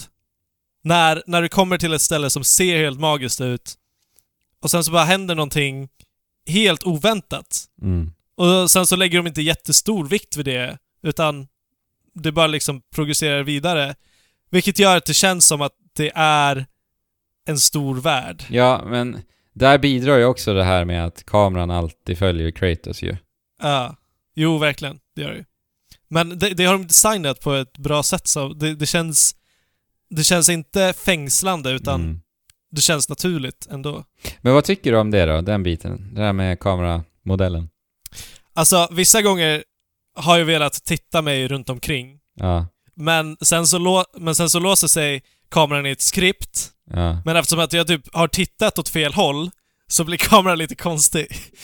Jaha. För att jag har velat panorera runt liksom. Ja. Men, eh, men, eh, nej men jag gillar det. Alltså det passar det här spelet Ja. bra. På tal om genomtänkta spel också. Mm. Det är löjligt. Verkligen. Vilket jädra hantverk alltså. Oj, oj. Ja, Mm. ja, alltså Santa Monica, Mm. alla kudos. Ja, jag vet inte vad jag ska tillägga. Det är verkligen mästerligt spel. Ja, jag har ju pratat nog om det här också. Så. Mm. Och som sagt, Leviathan Axe. Alltså tillfredsställelse. Oj, Ja. oj, oj, oj. På så många Ja. plan. När du bara träffar fiender med den här jäkeln. När du ska kalla tillbaka den och det... Ah. Ja, och sen när du har mekaniken när den blinkar till lite och Ja. när du kallar tillbaka den i rätt tidpunkt och sen så kastar du iväg den igen Ja. ännu hårdare och så sprängs det. Ja, kameran skakar till. Det är så mycket så här små detaljer som bara tillför Ja, till men alltså- spelkänslan. Jag måste bara, musiken. Ja, Alltså jag måste bara... Ah, det är så bra. Jag får rysningar av körerna och av de... Ah, alltså det, det är mörkt, det är mäktigt, ja. men det är också vackert. Ja, det är, ja, jag vet. Det är, det är så bra det, Det är kan bli. m- magnifikt. Ja.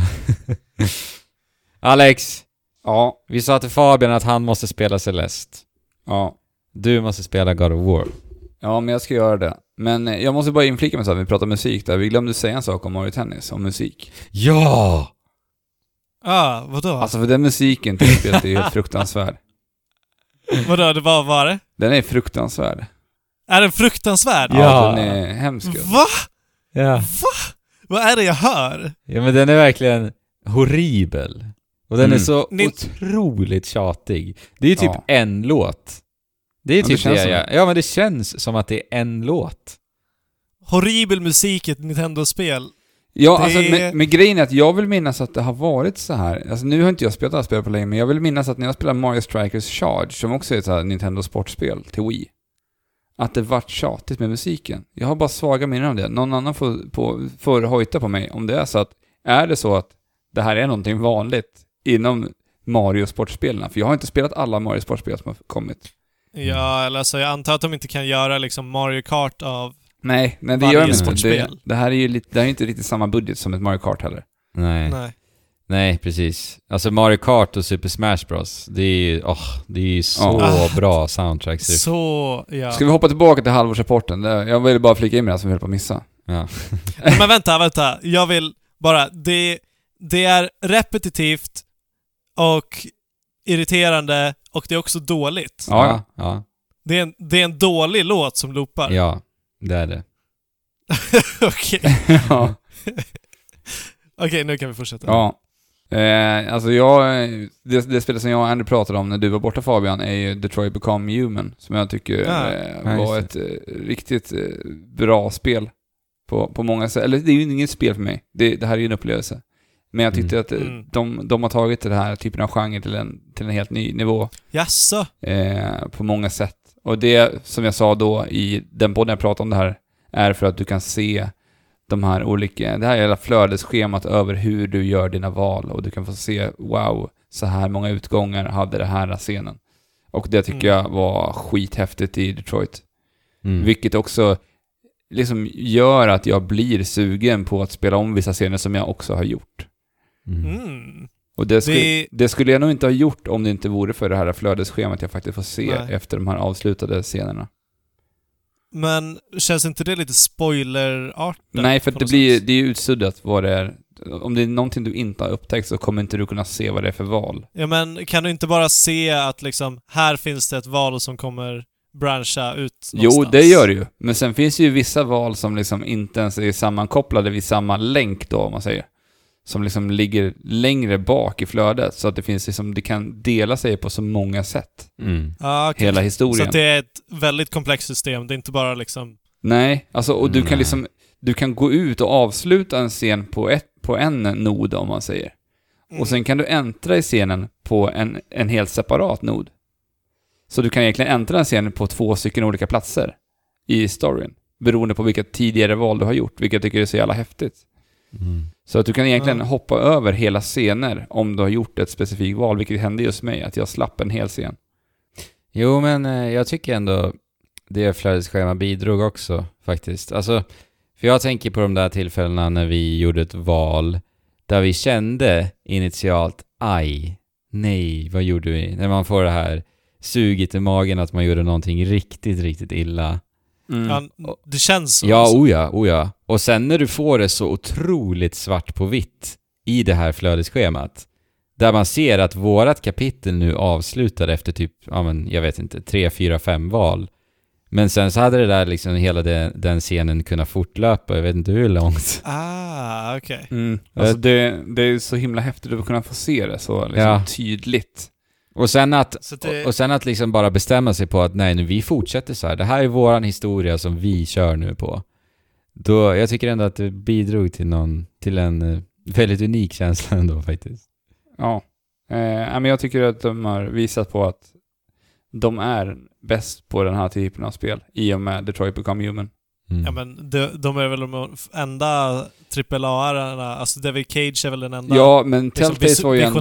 Telltales var ändå en viktig del i den här genren, måste man ju ändå ge Jo. dem. Alltså det, när, Jo, de, jo. när de kom med Walking Dead så var det ju liksom, de tog ju berättandet bra mycket längre än vad Quantic Dream hade gjort tidigare. Mm. Eh, men Ja, nu, tycker jag, nu tycker jag att det, det, det behövs snappas upp både hos eh, Don't Nod med eh, Life is Strange och framförallt från Telltales håll. För att eh, det, det går att göra rätt mycket mera.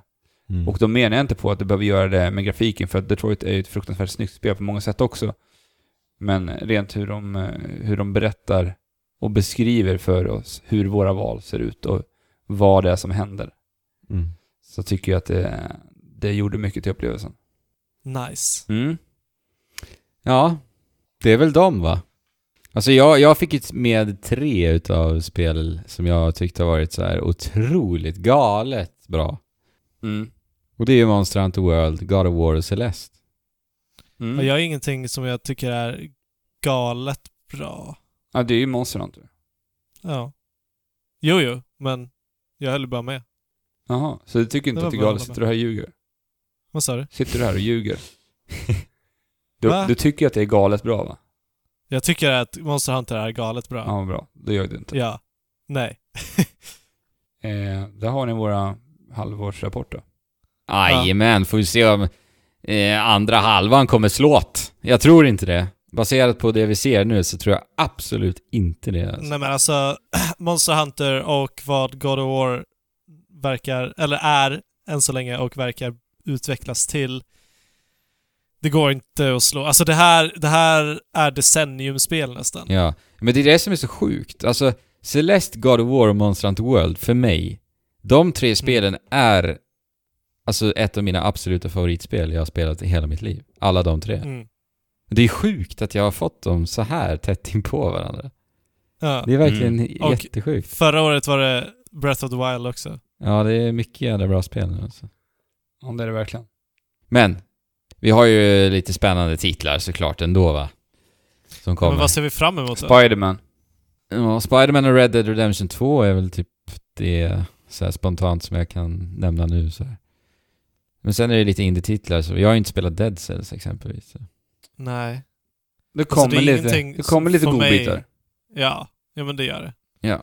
Framtiden ser ljus ut. Ja. Ja, det var veckans avsnitt, hörni, och det sista avsnittet innan vi drar iväg på lite sommaruppehåll. Mm. Yes, så nu drar vi och vilar upp oss. Ja, men, men innan vi ska vila upp oss så ska vi också säga att eh, det, vi kommer tillbaka i höst, augusti. Det brukar Ja. bli i slutet av augusti. Ja, efter Ja, Gamescom brukar det bli. Ja. Eh, och eh, vi har ju tänkt lite så här att när vi kommer tillbaka så vill vi, vi vill förändra lite upplägget i den här podcasten. Hitta på lite nya intressanta saker till er lyssnare. Fräscha till den lite. Ja, och eh, förändring tänker ni då. Förändring, usch, tänker många. Mm. Ja. Eh, vad, vad tråkigt, vad jobbigt. Vi vill inte ha någon förändring, vi vill ha som det är. Och har varit. Och men har, vi hoppas ju- inte att ni tänker så, men... Ja, men då, därför vill ju vi också bjuda in er. För vi har ju våran Discord-kanal som ligger länkad i beskrivningen till det här avsnittet. Mm. Och vi vill ju jättegärna att ni går in där och kommer med idéer och tankar om vad vi i framtiden kan göra utav Trekraften Podcast. Roliga segment och allt vad ni, vad ni kan komma på. Så att ni är med och formar podcasten lite helt enkelt. Mm, Och bara Så gör att- den ännu bättre. precis. Vad klyschigt det där lät, men det stämmer ju. Ja, det Ja. är exakt det det, Det är vad vi vill. Det är korrekt. Ja. Så att eh, vi blir verkligen superglada om ni ansluter er. Om ni redan är anslutna så blir vi superglada om ni bara ja, kommer med lite idéer. Lite tankar Ja. räcker också bara. Ja, Vi har ju en kanal för podcasten. Ja, Ja. precis. en Så. textkanal där. Så. En textkanal. Och Och jag heter tän- Trekraften. Jag Podcast. tänkte, eh, vi kommer ju självklart göra det lite extra tydligt i den kanalen också. Eh, att vi söker lite, lite tankar. Inspiration. Lite inspiration, precis. Tack för det. Så att eh, anslut er jättegärna dit. Och sen så här på säsongens avslut, så om ni inte redan gjort det så skicka jättegärna in en iTunes-recension. Ja. Vad har ni tyckt om den här säsongen? Mm. Eh, och, eller vad har ni tyckt om oss fram tills nu? Det är det enklaste sättet ni kan, kan hjälpa oss. Vi, vi har trots allt hållit på i tre år nu. Ja. Så eh, hjälp oss. Gärna. ja. Vad är bra? Vad är dåligt? Ja, det var länge sedan vi pratade om iTunes-recension. Och det var länge sedan vi fick en nu också. Så att skicka gärna Ja. in en sån. Vi blir jätteglada för det. Och så eh, kommer vi om, vi... om vi får en så här surge av iTunes-recensioner så kommer vi läsa upp samtliga när vi väl kommer tillbaka. Ja, ja. helt klart. Det är inte helt omöjligt att det dyker upp någon sommaravsnitt också. Vi har ju gjort det egentligen i alla år också. Mm. Men då, då är det sociala medier som gäller så att ni eh, håller er uppdaterade där. Eller prenumerera på podcasten förstås, så ni får en liten notifikation. Jajamän. Vi kommer ju inte liksom gå in i någon form av eh, iglo och lägga oss och sova under sommaren. Iglo under sommaren. Du, du, tänker i, du, tänker, du tänker i den, I, iglo, ja jag Gå in i vet. en iglo, den är, den är bortsmält på ett par dagar liksom. Trött huvud kan förväxla ord lätt. Eh, Ja. Jag förstås menar i det. Mm. Men eh, ja, innan vi avslutar, vad tänker ni att, eh, vad tänker du Andrew att du ska göra i sommar? Har du några roliga planer? Eh, nej. Nej. nej, alltså faktiskt inte. Det, när, du fråga, när du ställde den här frågan, det var bara helt, helt blankt Helt i huvudet. Ja, finns ingenting. nej. Faktiskt. Ingenting. Fabian, du Spela ska, du, ska, du ska i alla fall ta igen Celeste Fabian. Gör det i sommar. Jag ska, jag ska ta igen Celeste, jag ska ta igen God of War, åtminstone. Eh, sen ska jag lära mig eh, programmera Java. Ja, ja. Uh. Och sen håller jag på att lära mig portugisiska. Ska du göra Mm. något annat kul? Något annat kul? Mm. Det här är jättekul. Ja, men något annat som är roligt? Ska du hitta på något somrigt? Ja, jag ska klättra upp på Kebnekaise. Oh, så Det är där. inte så somrigt, men Då får vi ha en bergs... Får vi se en bergs-selfie från dig i sommar. ja, med switchen. Gött. Förhoppningsvis. Nice. Eh, sen så är det väl alltså kampa mycket, hoppas jag. Jag älskar ju att kampa. Ja. Med switchen? Men så har jag aldrig gjort det faktiskt, Nej. Får bli premiär. hittills. Mm. Ja, alltså när jag har Celeste så, Ja. Lite, ingen lite skogsgaming då kanske? Ja. Men eh, jag kan ju svara på din fråga vad jag ska spela i sommar i alla fall, Alex. Ja. Men vad jag ska göra, det vet jag inte fortfarande. Det är fortfarande blankt. Det är fortfarande blankt. Eh, men jag tänkte ju spela... eh, nu vart det blankt igen. Nej men okej. Jag måste bara fråga, hur har det gått med volleybollen det här året? Alltså det har ju varit eh, lite så halvväder de senaste veckorna. Vad är ett Ja, halvväder ändå? Vänta, vänta, vänta, vänta. Det har varit kanonväder Jo. i typ åtminstone en Jo månad. men vet du vad? När man ska spela volleyboll då är det inte bara en person man behöver, utan man behöver ju ett Nej. gäng. Och Yes. för många andra så är det ju halvväder många dagar. Men eh, halvväder för mig är ju inte halvväder för någon annan. Vänta. Och då faller det ju när flera tycker att det är halvväder. Förstår du? Ja, men jag menar, det har varit, det har varit helväder. Så många dagar. Nej men inte här i Trosa, för enligt de personerna. Nähä, Nej. okej. Så är det bara.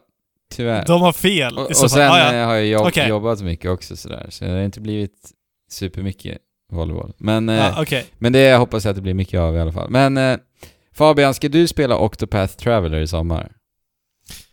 Jag vill ju spela Octopath Traveler. Det är ju ett Switch-spel menar jag. Det är ju väl asgött att ha på Switchen under sommaren liksom. Ja, Ja men då spelar, Ja. då spelar du det. ja. Eh, för jag var lite sugen på det, men jag vill höra då vad du säger kanske, så får jag se om jag köper det. eh, Baserat på Yes. dig. För det är jag lite så småsugen på efter jag spelade demot. För annars, Mhm. annars eh, så tror jag inte det är så mycket i sommar nu när jag tänker efter.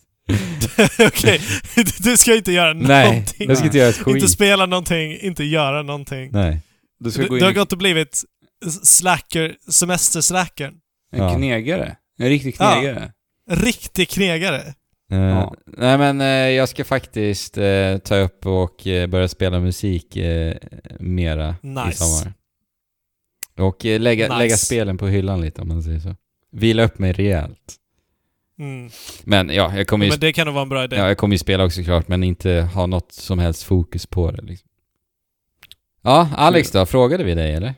Nej. Nej, Eh, men nu gör vi det. Ja, alltså, ja, jag kommer ju att jobba rätt mycket i sommar. Mm, Om nätterna just kommer jag det. jobba. Ja. Så, ja. Jag, jag vet inte, jag har ju sagt till mig själv att jag ska spela Bloodborne den här sommaren. Men Mm. eh, just nu så, jag vet inte, jag känner mig rätt eh, mätt eh, på att spela just nu och jag vill mest vara ute och fixa i min, min trädgård och hålla på och pilla med sånt. Mm. Eh, Mm. när vädret ändå har varit så fantastiskt som det har varit den senaste tiden. Yes. Så jag får se lite vad jag, vad jag orkar nu under sommaren och om jag hittar liksom styrkan till att sätta mig ner med Bloodborne. Mm. Ja, Eh, alltså jag kan ju tänka mig att du kanske, eftersom att du börjar sent på natten, mm, eller halvsent på natten, ja, så eh, kan många kvällar bli så att du sitter och spelar någonting och sen så fortsätter du spela det tills du börjar jobba. kanske. Vi får se.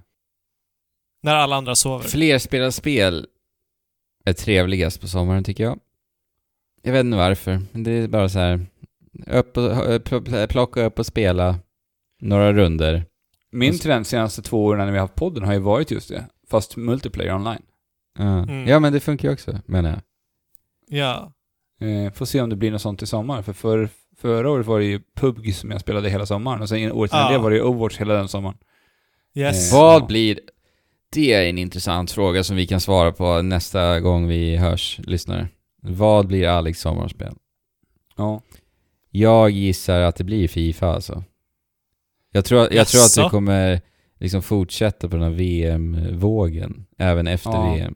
Ja, för det är ju det, är det jag kommer ägna den senaste tiden, resten av VM nu. Ja. Bara kolla VM. Eh, fantastiskt. Jag Ja, sen det tror jag att du kommer så här prova på lite online-matcher, sen kommer du bara oj, det här var ju hur kul som helst. Och sen kommer det bara fortsätta. Ja, så länge jag vinner, för det suger ju att förlora. Eh, Men det lär dig ju när du förlorar. Ja, kanske. Ja, nej men ska vi ta och säga glad sommar och... Jajamän, glad sommar på er alla lyssnare. Spela på nu också förstås. Ja. Yes. Ja. Tack för att ni har lyssnat Ja, på våra röster. Mm. Tillbaka i slutet på augusti någon gång. jajamän. Yes. Och sen är det inte helt omöjligt att vi dyker upp någon gång i sommar. Vi får se. Information om Det sånt är som sagt eh, sociala medier. Instagram är vi mest aktiva på. Mm. Med det sagt, spela på och chip! Shula. Ha.